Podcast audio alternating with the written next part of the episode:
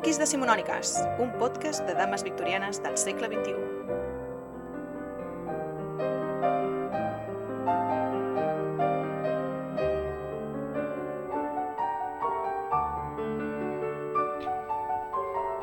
Comença el capítol dedicat a Madame de Treymes d'Edith Wharton.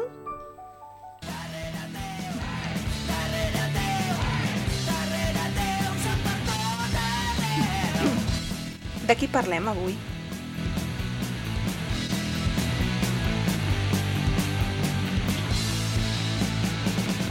Avui, amigues, parlarem d'Edith Wharton. Ja en vam parlar a l'inici d'aquesta temporada, és a dir, capítol 301, dedicat a una dona soltera, així que avui ampliarem la seva biografia i intentarem no repetir-nos. Si bé Edith Wharton va saber retratar l'alta societat de Nova York com ningú i va ser la gran cronista de la Gilded Age, va morir a França, a casa seva, on feia anys que residia. Si bé sempre l'hem lligada a Nova York, la seva altra ciutat en el seu cor va ser París, on va viure, estimar i morir. Quina és l'època equivalent a la Gilded Age a París? Doncs la Belle Époque.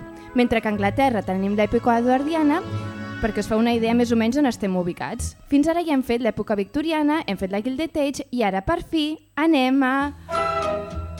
París, de la Belle Époque. París era el place to be, era el món de l'art, la literatura i la música. Era una ciutat on els límits de l'amor més difusos. De fet, la seva història d'amor més important va passar sota el cel de París, però això ja us ho vam explicar. Mhm. Però quin era el París d'Edith Wharton?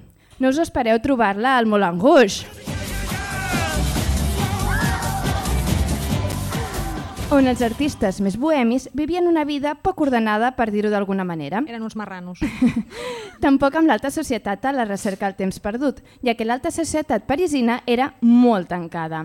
Edith Wharton i el seu marit lloguen una casa lloguen la casa on havien estat els Vanderbilt, els seus amics milionaris, i la casa venia amb les seves connexions, d'altres americans que estaven a París a tope amb tot, o sigui, amb la cartera a punto. Mm -hmm. De fet, hi havia tants americans rics que es va arribar a anomenar París com la Newport del Sena.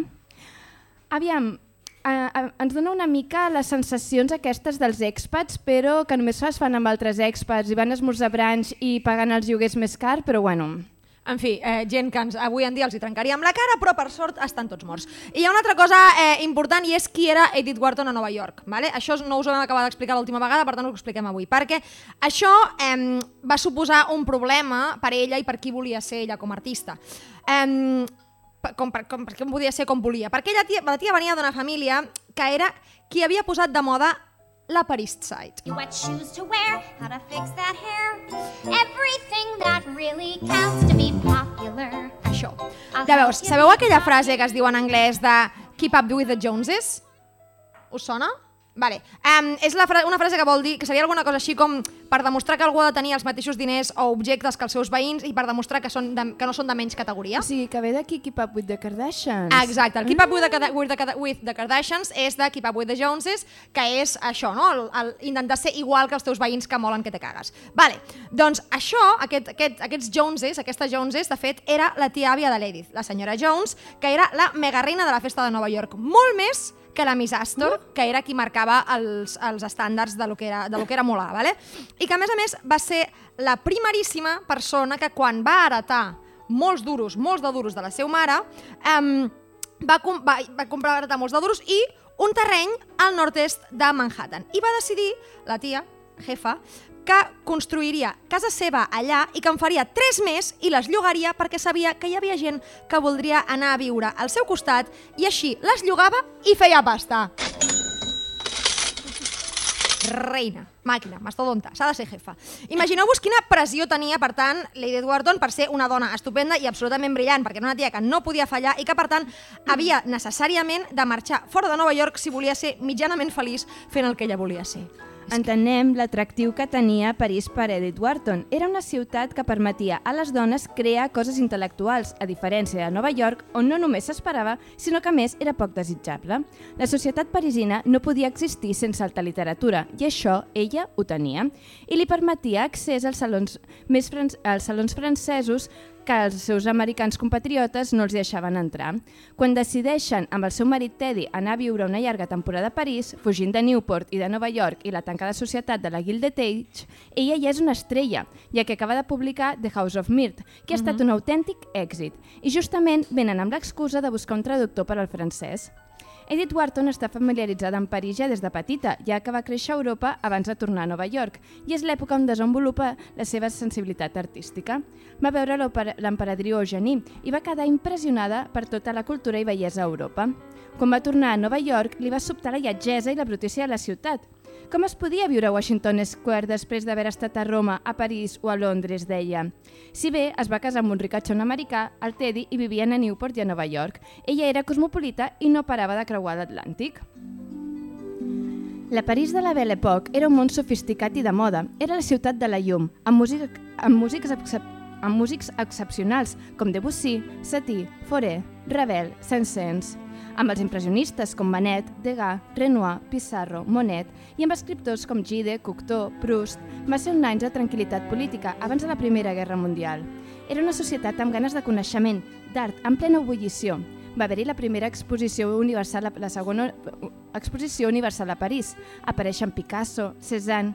París semblava plena de novetats, amb els cotxes Renault, les motos, la llibertat que això li va comportar a ella, que justament conduïa i que més endavant faria servir per anar al front en els seus reportatges periodístics.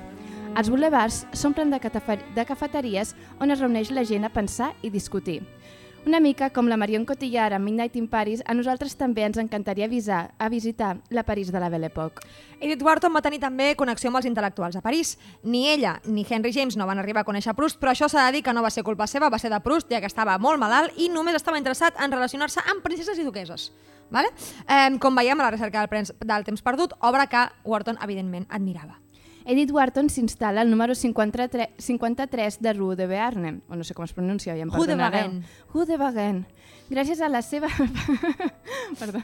Gràcies a la seva fama d'escriptora, va ser convidada als salons, on es va fer amiga d'André Gide, Paul Valéry, Jean Cocteau i a poc a poc també es va fer amiga de tot el cercle intel·lectuals que incluïa Anne de Noailles, la comtessa de Noailles, la famosa poeta que xerrava pels colzes, saltar-se la norma no escrita als salons per la qual una persona no podia parlar més de 5 minuts seguits i tenia algunes altres excentricitats, com per exemple rebia els convidats a jugar del llit o tenir les parets del dormitori folrades del sur, de suro per mantenir el silenci, com més endavant eh, imitaria el seu amic Proust. Cal destacar, i així recorda la placa commemorativa que hi ha a casa seva de París, que va ser la primera autora nord-americana que es va instal·lar a París. Si abans de, sí, abans de que es posés de moda i vinguessin Hemingway, John Dos Passos, el matrimoni Fitzgerald i bueno, tota la generació perduda en general. Vale, L'any 1906 comença a escriure Madame de Tremés, que es pot considerar el primer assaig del que seria The Custom of the Country. Aquell mateix any, el 1906, va escriure més o menys alhora Ethan Front, que passa a Nova Anglaterra. La va començar en francès, però al final la va escriure en anglès. És curiós que quan comença a escriure sobre la, seva, la Nova York de la seva infància, el que era la Gilded Age pura i dura, ho feia instal·lada a París. Una dona soltera, les altres narracions del New York, la de la innocència, evoquen justament aquest món. No les va començar a escriure fins que ja no havia passat la Primera Guerra Mundial. Malgrat s'havia creat a Europa i la seva sensibilitat artística havia quedat marcada, després del desastre de la Primera Guerra Mundial comença a veure amb nostàlgia aquell món de la- l'edat daurada dels seus pares. L'any 1907 va escriure en una carta Gens la... Je l'ai dans le sang. És a dir, tinc París dins la meva sang. Gràcies, Carlota. Molt Charlotte. Edith viuria a París fins al 1920, quan es va moure del centre de la ciutat massa moguda a un pavelló elegant de finals del segle XVIII al nord de la ciutat. El, el seu marit, abans d'això, ja havia començat a mostrar la seva bipolaritat i a París s'agreuja molt, a més a més de les seves constants, dels seus constants afers extramatrimonials.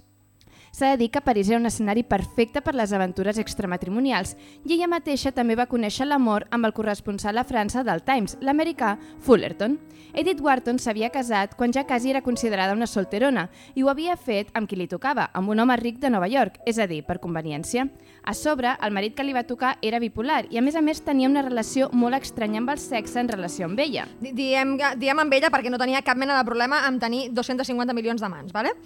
Edith ja havia renunciat a l'amor quan va conèixer en un d'aquests salons el Fullerton i descobreix la passió física unida amb la complicitat intel·lectual. Sempre diria que havia estat l'amor de la seva vida. En Fullerton, ja us vam explicar, també tenia un historial de tela marinera, però bueno, Malgrat que es coneixen des de més joves, van estar sense parlar-se durant 14 anys, for some reason, no ho sabem, i quan es van retrobar van ser amants, però eren molt, molt discrets. Ella, de fet, li va demanar a ell que, i li va escriure que dient demanant sisplau que, que cremés totes les cartes d'ella, eh, li va deixar per escrit, ell li va dir que sí, que sí, que ok, però ell no li va fer ni cas, i van reaparèixer alerta l'any 1996 fa quatre dies. Eh, I ara les va, les va comprar i les té en el seu arxiu una universitat privada de Texas per Why algun not? motiu que tampoc no acabem de- d'entendre. Eh, total, eh, ho van deixar estar en un moment donat i el, el, 1900, eh, el 1911, que són les cartes, una de les cartes que es conserven, ja només eren amics i les seves cartes parlaven de literatura i, de, i de, del que estava passant, una miqueta d'actualitat. Quan es va posar fatal, fatal, fatal el, el Teddy, va ser, el, és a dir, el marit del senyor Wharton, eh, era perquè no només era un, era un narcisista, sinó perquè és un megalòman, té deliris de grandesa, té un ego enorme, es creu que és omnipotent i, a més a més, ve d'una família amb un historial sever de malaltia mental i, i a més a més sap que se sap que son pare es va suïcidar en un moment d'aquests de bogeria. Per tant, l'estava deixant amb ella en un lloc preciós. Um, arriba un moment que el seu matrimoni és absolutament insostenible perquè, entre altres coses, ell li buida el compte corrent d'ella vale? per, es- per anar-se'n amb un amant. I, ell li diu que, i ella li diu que, vale, que fins aquí, que ja n'hi ha prou, eh, i fins i tot arriba un moment que ell ingressa a un sanatori, li torna els diners, bueno, tot un cristo, i quan surt del sanatori li diu, ok, ok, però a la calle, col·lega. Llavors, l'Edith li demana el divorci, però ho farà a París, perquè gràcies a, la llei, a les lleis franceses de privacitat va poder-ho va poder passar com un afer privat. A Nova York hagués estat eh, a la coberta de tots els diaris, per tant, eh, una, una dona divorciada rebia molt, un tracte molt, molt dur a la societat tancada de la Gilded Age. Aquesta època s'ha tendit a, a romantitzar, però Edith Wharton ens mostra que darrere de l'estètica dels vestits preciosos hi ha moltíssima violència social. Hi ha grups tancats i en qualsevol moment pots ser expulsat si et surts de la norma, si et divorcies. L'Edith Wharton va experimentar i exposa tota aquesta violència en les seves obres. L'alta societat sembla tan acollidora i educada. Et dona l'esquena, en canvi, quan considera que has faltat en els principis que la regeixen. L'honor i la família tenen un paper importantíssim, tant que al final això sembla més el Padrino o el Soprano i francament no m'estranya que l'Scorsese, famós per les seves pel·lícules de mafiosos, digués que l'edat de la innocència era la pel·lícula més violenta que havia fet mai.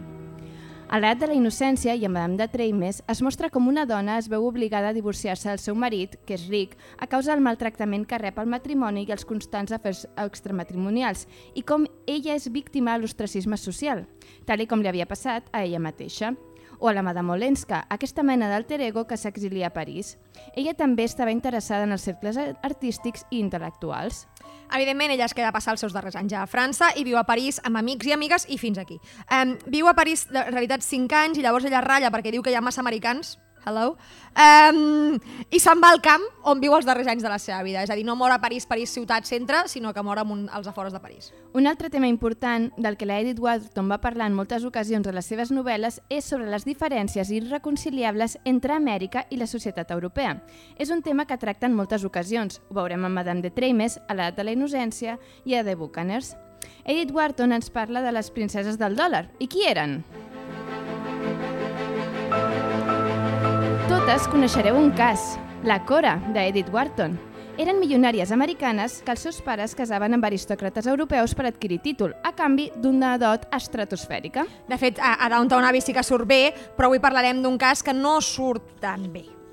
El gran problema d'aquests casos és que elles havien crescut en la societat de Nova York, amb els americans, amb les seves maneres més directes i brusques, i de cop es quedaven fascinades per les galanteries i elegància dels europeus, que a més a més es dedicaven expressament a seduir-les i enamorar-les. Això hi ha una novel·la de Frances Hodgson Burnett que es diu The Shuttle, que ho explica molt bé, però bàsicament la majoria d'aquestes noies, per no dir nenes, es casaven enamorades d'aquests lords que pràcticament no coneixien realment i que a més a més havien anat alimentant encara més la seva fa- fascinació per les novel·les romàntiques de l'època. Crea una mica rotllo Bridgerton on una americana s'enamorava enamorava perdó, d'un comte europeu i eren feliços i menjaven anissos a Europa en el seu castell. El que es trobaven després quan arribaven a Europa era una altra cosa, perquè un cop ja tenien assegurats aquests diners, aquests homes mostraven la seva veritable cara i molt sovint ja tenien una o dues amants establertes. O els pares directament les venien a nobles europeus per tenir un títol, ja que en el seu origen eren de famílies sense prestigi social ni títols i tenien aquest trauma i volien, fos com fos, aconseguir-los. És que és terrible, eh? O sigui, vendre així com mercaderia la teva filla per un títol... Vaja. A més a més, és curiós perquè després d'haver fet tota una revolució i una guerra d'independència per deslliurar-se d'un sistema monàrquic i nobiliari anglès, els americans estiguessin absolutament obsessionats amb la, noble, amb la noblesa. O sigui, em sembla increïble. Oh, és que els americans i els anglesos són la història d'amor tòxica més, més tòxica del món mundial. You'll be back, soon you'll see. You remember you belong to me. Eh, si heu vist Hamilton haureu entès la referència i si no, no us el podeu perdre. Vale. Moltes d'aquestes princeses del dòlar van ser extremadament infelices com Madame Olenska o la Fanny Mal... Mal... Malvir... Malvir? Malvir. Malvir. Vale. La seva eh, innocència americana no entenia les subtileses i els subterfugis de la societat europea. Un dels casos més sonats va ser el de la filla dels Vanderbilt, la Consuelo Vanderbilt. En qui, per cert, es basen per fer el personatge de la Gladys Russell de The Gilded Age. Cal dir que no totes van tenir tants problemes per adaptar-se. Algun dia haurem de parlar, li haurem de dedicar un capítol a la reina, la, Ge la Jenny Geron, la mare de Winston Churchill, una d'aquestes princeses del dòlar que va ser acabar sent la reina de l'alta societat anglesa, que al principi es va casar per amor, que després va tenir tots els amants que li va donar la gana i sobretot va tenir una influència política molt positiva en el seu fill Winston. Ole. L'Edith va conèixer tant la Consuelo com la Jenny Jerome i es va basar en elles per dues de les protagonistes de les Bucaneres.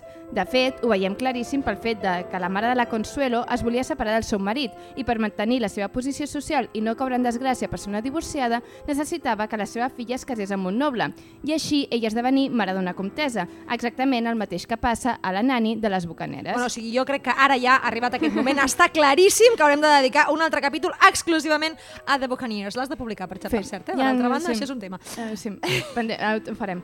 Eh, per desgrat del capitalisme americà, no hi havia prou solters amb títols anglesos per a totes les joves americanes. clar. La jerarquia accessible per a aquestes eh, noble, mm, princeses del dòlar era aquesta. Dux, que era com el primer premi, marquès, comte i baronets. Els reis i els prínceps els deixem fora normalment. La nostra princesa del dòlar d'avui, la Fanny Frisbee, es casa amb un marquès, el marquès de Malvir. Mal, mala vida és el que li dona, pobreta. O sigui que no està gens malament per les expectatives de l'època, però bueno. Les princeses del dòlar que arribaven a Anglaterra eren molt diferents de les hereves angleses que ja tenien, que tenien un paper secundari respecte als seus germans homes. Portaven l'última moda parisina i sobretot tenien una seguretat en si mateixes brutal que els anglesos trobaven irresistible. Menys quan les trobaven vulgars. És que està molt És complicat. molt fills meus. complicat. És molt difícil, això. A, Pare a París, l'emperadriu Eugenie estava obsessionada amb la moda. Volia que la gent vestís la millor roba possible, sobretot les seves dames d'honor, convertint-la en la capital mundial de la moda. Les riques hereves americanes passaven moltes temporades a París, on es van trobar amb aquesta nova moda refinada i amb una societat molt oberta i llibertina, amb seduccions polítiques a l'ordre del dia. Quan tornaven a Amèrica, ho feien amb un armari nou fet a París. Sí, sí, però què va escriure?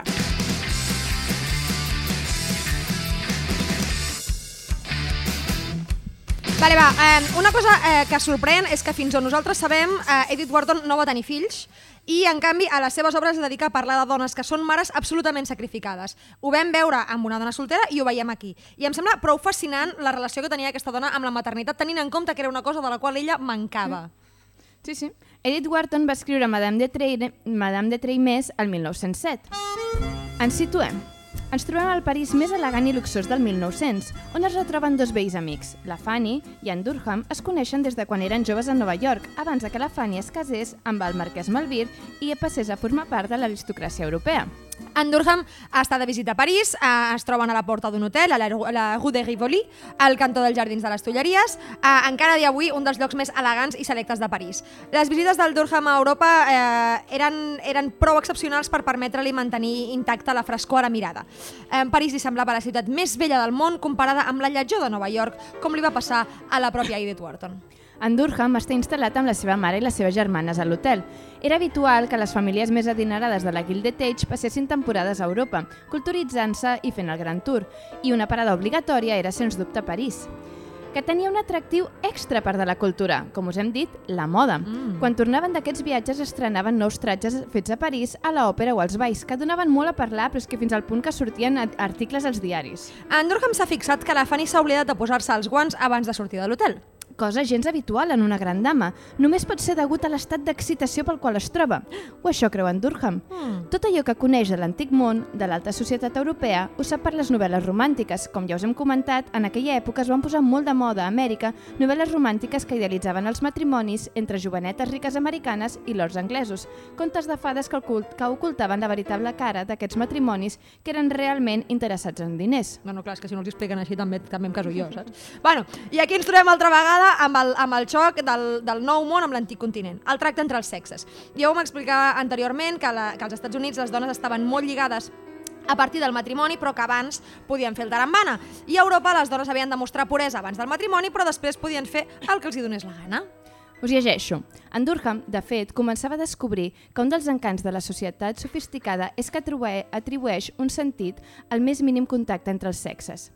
Sí, en els dies del vell, si en els dies del vell continent sense restriccions de Nova York, la Fanny Frisbee, des de l'esglaó de la pedra marró del portal, li hagués proposat que anessin a passejar pel parc, la idea li hauria resultat agradable, però sense importància per al seu amic mentre que la proposta de la Fanny Malvir d'una passejada per les Tulleries estava, òbviament, carregada de possibilitats imprecises. Uh! Però en Durham està cagat. Les possibilitats tenen dues cares. Pot ser una bona, però també pot ser una mala notícia. Vale, una cosa és que aquí hem parlat de dos amics i realment aquí no hi ha dos amics. Aquí hi ha una parella enamorada i relativament madura que està intentant veure com gestiona la seva relació perquè tenen uns entrebancs que semblen un marron còsmic.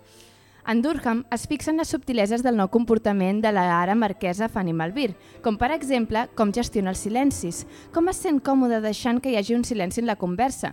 En canvi, com a soltera novaiorquesa, la Fanny Frisbee l'hagués complert de xerrameca. En Durham està fascinat ara per la Fanny, ara que té tot l'encant i l'elegància de l'antic continent. La Fanny fa molta paneta. Ens diu que feia molt de temps que no era tan feliç, com parlant amb la mare i amb les germanes, tornant a estar amb gent americana, estimada, bona, dolça, senzilla, autèntica. Malgrat que la Fanny enyora moltíssim Amèrica, fa 15 anys que no hi va.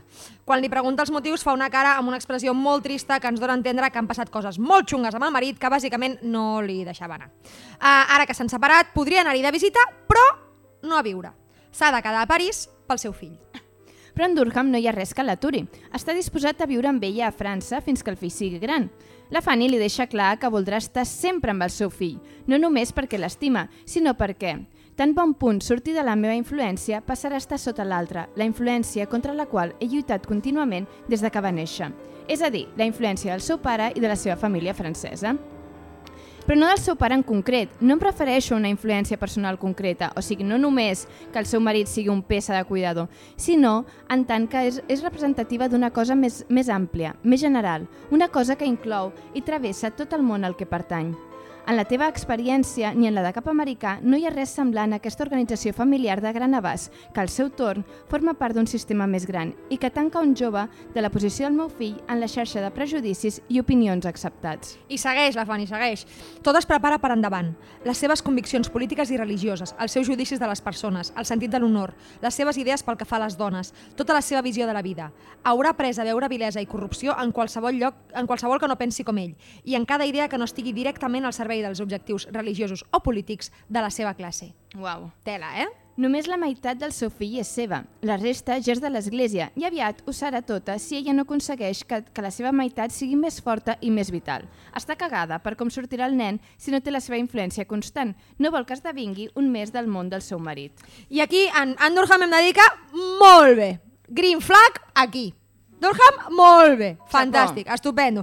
Um, perquè per una vegada sembla que no tenim un heroi red flag i perquè li proposa que si es casen es quedaran a viure a París i que seran dos per lluitar per la seva meitat del nen. Molt bé aquest noi, molt bé, un aplaudiment pel Durham, gràcies. Fantàstic, però aquí hi ha un petit entrebanc. No poden estar junts si no es casen i no es poden casar si no hi ha divorci. Ai! I la Fanny està cagada també perquè no li donin el divorci. La mentalitat americana d'en Durham no entén per què, com poden, o sigui, com poden evitar aquest divorci, que aquest divorci vagi als tribunals i li, i li coincideixin. La Fanny li intenta explicar que ella tampoc sap com, però que ho impediran, que el fet de, el fet de no saber com funciona també forma part del seu poder. Quin poder? Qui són aquests fantasmes que amb les seves maquinacions poden aturar el curs de la justícia en un país relativament civilitzat? Ai, fill meu. Mm -hmm. I segueix dient que el marquès només té a favor seu el seu oncle, que és abat, la mare i la germana. Un capellà i dues dones contra Mundum. No em fan gaire por. A veure, carinyo, o sigui, poques coses t'han de fer més por, sincerament. Amore... Bueno, total, la Fanny ha entès la situació. No la deixaran divorciar-se si saben que té un pretendent amb qui casar-se. De fet, no la deixaran en pau fins que en Durham desaparegui. La Fanny no demanarà el divorci sense la seguretat que la família del seu marit no s'hi oposarà, perquè no vol cap escàndol pel seu fill. En Durham decideix prendre cartes en l'assumpte. La germana del marquès sempre havia estat a favor de la Fanny. Li preguntarà a ella si no s'oposaran. I qui és ella? Doncs, el no, doncs és qui dona el nom del títol de l'obra d'avui. Madame de Treimés. La persona més influent de tota la família. Però, però per què de cop aquest enamorament tan fort per la Fanny? Perquè si ja es coneixen des de fa anys, ara en Durham té aquesta mena de febre per ella que és capaç de decidir que deixa, la seva vida a Nova York per anar-se'n a París per ella, per, ella, per casar-se amb una dona divorciada i amb un fill. Si l'havia coneguda de soltera a Nova York sense complicacions i amb l'alegria de viure, fill meu. Doncs perquè de joveneta, quan vivia a Nova York, si bé tenia molts atractius i era una noia espectacular, no deixava de ser la Fanny Frisbee. I com ella, hi havia altres jovenetes americanes plenes de bellesa i de vida, una mica atrevides i burletes. Però ara, amb 40 anys, veu que no hi ha cap altra com la Fanny Malvir. I quina és la gran diferència? Doncs la germana del Durham ho diu molt bé quan es retroben amb la Fanny. No havia vist mai res de tan francès. Ui. Són els anys a França, entre l'alta noblesa, el, refina el refinament adquirit de l'antic continent, el que fan que en Durham ara estigui absolutament encatarinat per ella. Les seves germanes americanes per això no entenen gaire la gràcia i l'elegància de l'arquitectura antiga europea. Aquest casalot dels Malvira va de ser molt fred a l'hivern i que fosc! Tot això tret de casar-se amb un marquès! Malgam Déu. Tenim moltes expectatives de veure com serà aquesta famosa Madame de Treimés, la líder de la família i molt influent en l'alta societat francesa. I ens trobem amb una dona prima i morena. És aquesta la terrible cunyada de la qual depèn el futur i la seva felicitat? Edith ens mostra el poder real de la dona en la societat de finals del segle XIX i principis del XX. Quan s'explica la història, és a dir, quan els homes expliquen la història, tendeixen a ignorar o a tapar el paper i la influència que tenen moltes dones en els pa en països com a França eren extraordinàriament rellevants. Aquest llibre, com és un retrat d'una època fet alhora, reconeix aquest poder que de facto era molt rellevant malgrat no tenir reconeixement legal. Però a veure, Madame de és una dona molt especial. Sembla una mosqueta morta, però té la clau per influir realment a la vida del Durham i la Fanny. No només és perquè sigui amiga de la Fanny, sinó perquè sobretot és aparentment l'únic vincle entre una família i l'altra i l'única persona de la família a qui en Durham es pot apropar sense que això resulti sospitós. En Durham vol saber més informació de la Madame de Treimés i li demanarà a la seva tieta, que també viu a París, la Bessie Bookin. La tieta ens presenta la francesa com una dona que és capaç d'aconseguir el que es proposa. Els americans que vivien a París tenien una societat paral·lela i es morien per ser acceptats a l'alta societat parisenca, que només els convidaven quan tenien l'ocasió de buidar-los les butxaques. És meravellós perquè començarà dient que personalment no tinc cap desig de fer-me amiga de les franceses. No veig que una americana se'n pugui fer sense perdre's el respecte a si mateixa. Que honestament s'assembla moltíssim a Emily in Paris. És que ha un Però capítol total, idèntic. O sigui, clar, és que és tota l'estona, tota l'estona és Emily in Paris aquesta d'això. Però bueno, en aquest cas um, es podria fins i tot perdonar a la senyora Boykin perquè um, té la sensació, ai amiga, que el seu home flirteja amb Madame de Treimés, cosa que no ens queda clara i que en realitat tampoc no és rellevant. O simplement que sap que té un afer extramatrimonial molt reconegut, Mhm. cosa bastant escandalosa a l'època. Li expliquen a la, que la Madame de Treimés és una persona amb història i que té alguna mena de relació amb el príncep d'Armignac, un membre de l'alta societat, de l'alta aristocràcia, que juga i aposta però com a arruïnar a tothom que es queda massa temps al seu costat. En Durham entén com pot cridar l'atenció de Madame de Treimés, anant a un d'aquests basars i deixant-s'hi molts diners. Així doncs, la primera vegada que es troben, eh, és ella qui se li acosta en un moment discretet i quan està sols li diu es vol casar amb la meva cunyada? Zero unitats de Xile, eh? O sigui, d'entrada això. Hola, bona tarda, es vol casar amb la meva cunyada. Molt bé. Um, és evident per en Durham que aquesta tia no té cap mena de problema en ser directa i, malgrat que tot és superprudent, li diu que és desig seu per no comprometre en cap cas a la Fanny. Tenen una conversa que és un ping-pong verbal meravellós on ella intenta posar-lo nerviós i ell és tan prudent que no li permet veure res del que li està passant pel cap um, i és evident que la conversa no funcionarà fins que ella li posa pressió i li demana que què vol. Um, així, ell li pregunta finalment si creu que si creu que el seu germà podria, en un cas hipotètic, concedir-li, si fos el cas, el divorci i així es podrien casar ells dos. La resposta a Madame de Treimés és aparentment calmada quan li diu això m'ho hauria d'haver preguntat la meva cunyada. I malgrat tot, en Durham se n'en surt responent que, evidentment, ell no parla en nom d'ella Ah. i que és cosa seva. Claro. En Durham, altra vegada, mostrant-nos que és un cavaller que només pretén fer les coses el millor que pot. Aquesta primera trobada serà el que provocarà que per poder-se tornar a trobar una altra vegada amb Madame de Tremés hagi de demanar a la seva cosina que la convidi a sopar, perquè clar, evidentment aquí comença la cosa amb una cosa petita i acaba muntant un drama de tres pares de nassos. Um, si bé hem vist que la, com la criticava a l'anterior trobada amb en Durham perquè és molt conscient que només li farà cas perquè té diners, tan bon punt té l'oportunitat de veure-la més, no dubtarà ni un segon en intentar impressionar-la, la cosina. Perquè, malgrat que no es faria mai amiga d'una francesa, es torna boja per complaure-la. És evident que els americans que vivien a París es deleien per mostrar als francesos que ells també podien ser sofisticats, elegants i bons anfitrions, rebent la gent a casa seu. En aquest sopar veurem com la Madame de Treimés és una seductora nata i que es deixa emportar moltíssim més per les passions del que ens podríem imaginar. Ha deixat diners del seu marit i del seu pare, diners que no eren seus, al príncep d'Arminyac, que ja hem descobert que té una addicció al joc i ara no sap com sortir de la situació ja que no sap com tornar-los. I aquí planteja un subtil xantatge. xantatge. Jo t'aconsegueixo el divorci i tu em treus de l'apuro. Ella té moltíssima influència en la seva mare i el que diu ella va a missa. També ens deixa entreveure la hipocresia de certs nobles catòlics. No aproven el divorci per motius religiosos, però sabiria capaç d'aprovar-lo a canvi d'una bona suma. Veient que no està aconseguint el que vol, comença a fer una saneta plorant buscant la compassió d'en Durham. Quan tampoc ho aconsegueix, diu unes paraules que s'ha de dir molt entenimentades. És perquè li han parlat malament de mi? Entenem que perquè té un amant. És que no me'l parlen sempre de les dones infeliçment casades? Potser això no passa afortunada al seu afortunat país, o on la dona es pot alliberar sense deshonra. Però aquí, vostè que ha vist les conseqüències dels nostres desastrosos matrimonis, vostè que pot ser víctima del nostre cruel i abominable sistema, no sent llàstima per una dona que també ha viscut aquest patiment i sense la possibilitat d'alliberar-se'n? O sigui, lo hipòcrita que és Madame de Treimés. O sigui, la jeta que té, Tela. per favor, té la marinera. En Durham entén la proposta. Li planteja que es podrà casar amb la Fanny a canvi de pagar el deute del joc del seu amant, el príncep de- d'Arminyac. O sigui, embrutar el seu honor i el de la Fanny de retruc, donant suport a aquest af- afer extramatrimonial. Així, que de cop i volta li agafa una febre conservadora pu- puritana americana, es sent molt ofès i se'n va. Bueno, ja passa això amb els protestants. Quan li planteja aquesta proposta al, al Durham, la Madame Treimés li diu dues vegades, no una, sinó dues, que ja li pot explicar això a la Fanny, cosa que ell no entén perquè, oh, sorpresa, com ja han dit alguna vegada, Lady Wharton escriu senyors que són senyores amb bigoti. I ell té un sentit de l'honor que ja m'agradaria a mi que fos de veritat, perquè això no ha passat a la vida. La Madame de Treimés volia fer còmplice, amb tot el que comportava, a la Fanny d'aquest afer tan fosc. Però ell decideix no dir res, desistir, perquè veu que entre pagar i entrar en un xantatge o bé arriscar-se i fer les coses netes, ell no hi pot caure aquí. Però alhora també decideix no dir-li res a la Fanny. És en aquest moment en què decideix marxar perquè no té cap sentit estar més temps a París si no hi ha opcions d'estar junts. Malgrat tot, no marxa encara d'Europa i just abans de marxar rep una notícia d'ella, dient que la vagi a veure, que ha passat una cosa extraordinària. Ha rebut una visita de Madame de Treimés per comunicar-la que Montse per comunicar-li que Monsieur Malvir no s'oposarà a la, sol·licitud de, de divorci. Que això ens hauria de fer sospitar molt fortíssimament? Correcte. Que en un primer moment podem pensar que jo que sé, que Monsieur de Malvir ha trobat una xurra i també es vol casar. També podria ser, però amigues, això és Edith Wharton, així que prepareu-vos pel drama.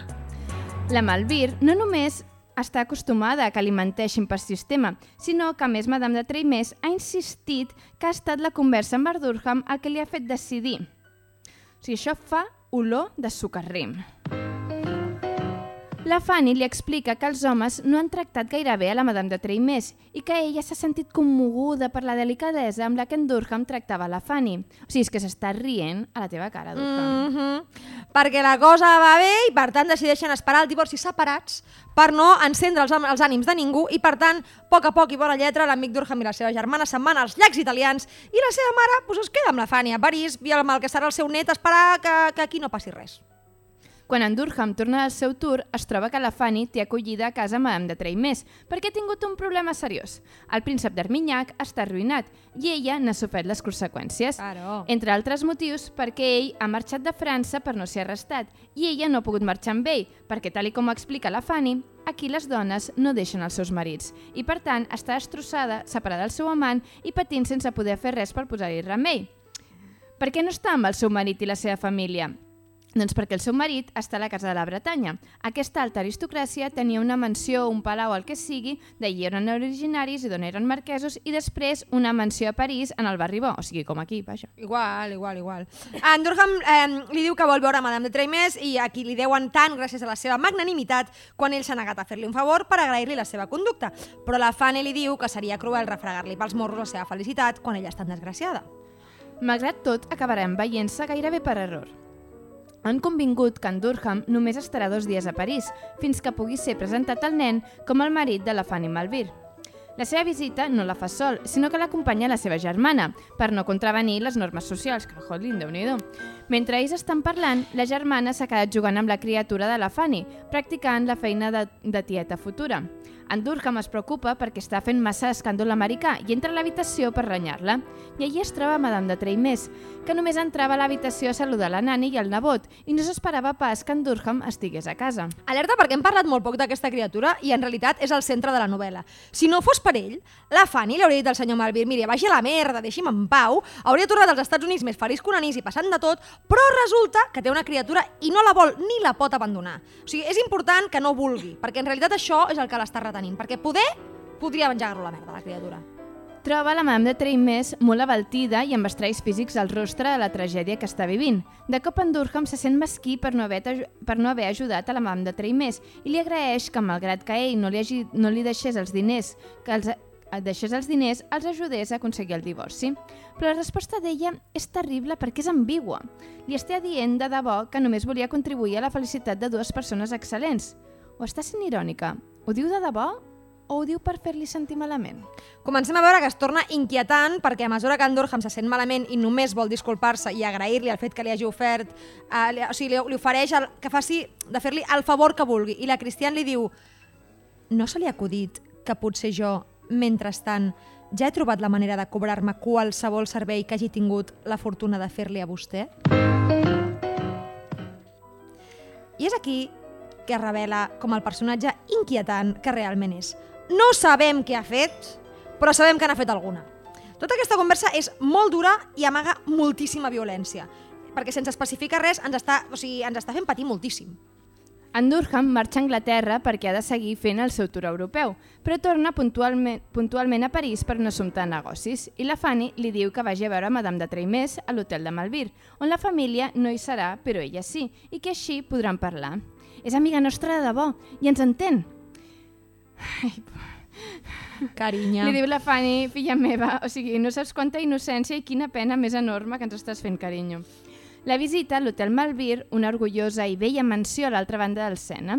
La casa està a mig gas, ja que està en la moc de saison, o sigui, la manera francesa de dir la temporada baixa, on els rics se'n van a altres puestos a fer la vida social i abandonen París. Malgrat la manca de criats, els finestrons baixats i el silenci, en Durham, americà, li sembla que aquesta mansió és una custòdia celosa de vells prejudicis i estranyes relíquies socials. Mm -hmm.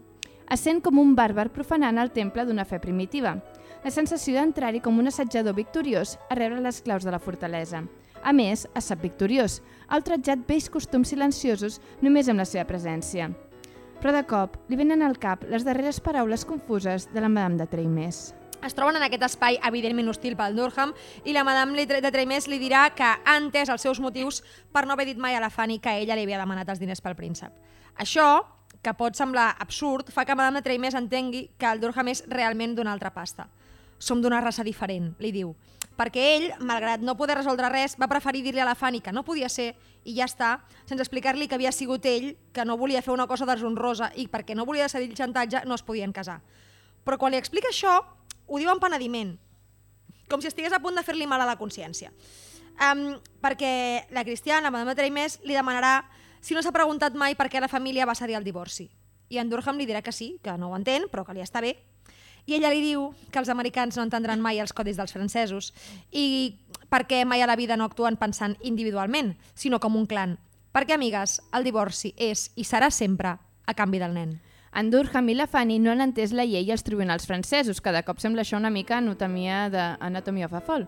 La voluntat última de la família francesa aconseguint el divorci era recuperar el nen, el nen que era el motiu pel qual no podien marxar a París, el nen que la Fanny no vol perdre sota cap concepte. Perquè, amigues, si bé ara li han posat nom a la violència vicària, és que el com que s'ha fet tot, s'ha practicat tota la vida, i les criatures no haurien de patir mai el dolor o la fi de la mort dels seus pares, i menys una família que hauria de, menys una família hauria d'actuar d'aquesta manera absolutament mafiosa, però, amigues, això és la, la Belle Époque i això és el que hi ha. Perquè, a més a més, en aquest cas, Madame de Treimé sap que el seu germà és un mal pare i que no farà cap bé al nen, però també sap que si la seva mare es torna a casar, li podrà prendre la custòdia, i per tant, ella només pot fer dues coses, o bé renuncia al seu fill o bé renuncia a l'home que estima.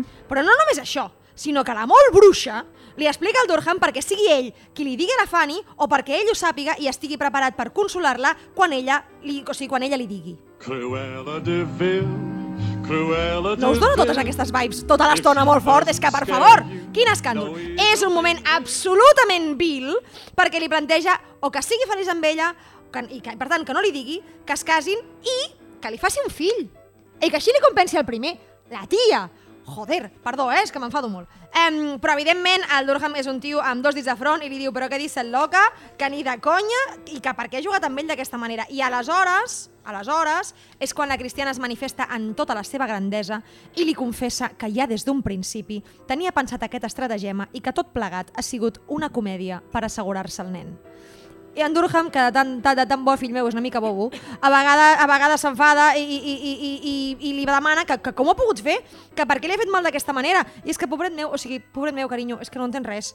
I ella li respon, és que aquest moment em sembla tan cruel, tan malvat i tan brillant. Li diu que encara podria ser que l'estigués enganyant, que no es pot confiar en la paraula d'un mentider o d'una mentidera com ella i que no se la cregui. Sembla que de cop s'arrepenteix d'haver anat tan lluny i d'haver exposat les seves cartes, en part perquè ara en Durham clarament es farà enrere, privant-lo de la felicitat perquè ara té sobre el pes de les seves espatlles la consciència de no poder-li fer això a la Fanny. Si bé ella s'ha estat, estat vanagloriant tot el llibre que eren diferents, no ha pensat que justament per aquesta diferència en Durham no veurà aquest últim acte com un favor. El que per ell hauria estat un escenari genial, és a dir, desfer-se del seu marit maltractador, deixar-ho tot enrere per poder-se casar amb el seu amant i formar una nova família amb ell, però en Durham mai privaria la Fanny del seu fill, ni que fos per la seva pròpia felicitat. O no, o tot ho ha fet expressament la Madame de Treimés per fotre una vegada més en Durham, que aquest final tingui tantes lectures i interpretacions fan de la Madame de Treimés una dona encara més enigmàtica, fascinant i, sobretot, odiosa. Però que un moment de- d'intent de, redempció de la Madame de Treimés quan ell marxa i li diu ai, pobre home, tan bo. Perquè en realitat sempre, aquest, el, el pobre Durham sempre ha estat una peça d'escacs en un tauler enorme on no sabia ni tan sols que estava jugant. Edith Wharton mai ens donarà el final de Jane Austen. Ens dona finals més realistes i tristos, que ens deixen amb el cor més encongit, però que també ens agraden molt. Sí.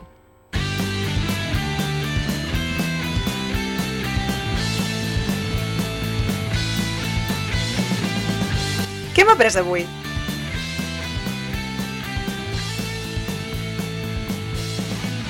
Va, què hem après avui? Us ho resumim en 5 punts. Punt número 1, que quan parlem d'Edith Wharton ràpidament la relacionem amb Nova York, però on va gaudir de la vida va ser a París. Punt número 2, que Edith Wharton és la reina de les novel·les transatlàntiques, les que expliquen el xoc del vell continent amb el nou món. Punt número 3, que les princeses del dòlar pot ser un nom molt glamurós, però que té la marinera això de vendre les teves filles per un títol. Punt número 4, que la violència vicària ha existit tota la vida i que maltractar i fer servir els nens per les baralles d'adults és una cosa molt vil. Punt número 5, que Edith Wharton té una capacitat estupenda de fer retrats socials que ens mostren com sigui el continent que sigui, el nou món o el vell continent, les dones sempre hi surten perdent. Menudens, doncs això ja està. Això ja està!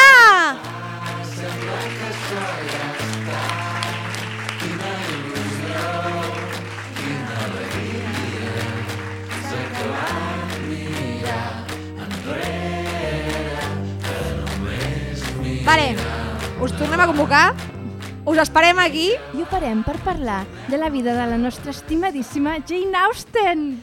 És monogràfic, biografia Jane Austen, vale? Dress code, estimades, repetim blau cel com el vestit que porta a la única pintura que tenim d'ella que li va fer la seva germana Cassandra.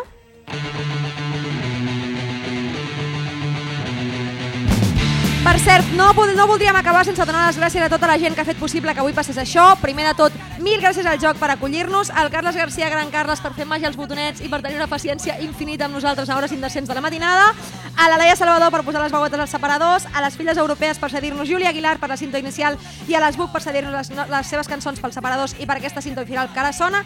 I a tots vosaltres, gràcies per venir i per escoltar-nos. Estàs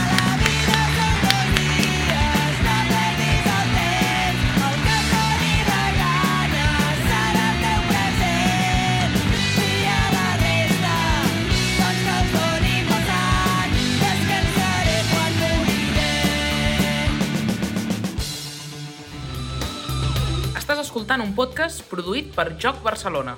Ens trobaràs al carrer Mallorca 275, restaurant, cocteleria i factoria cultural.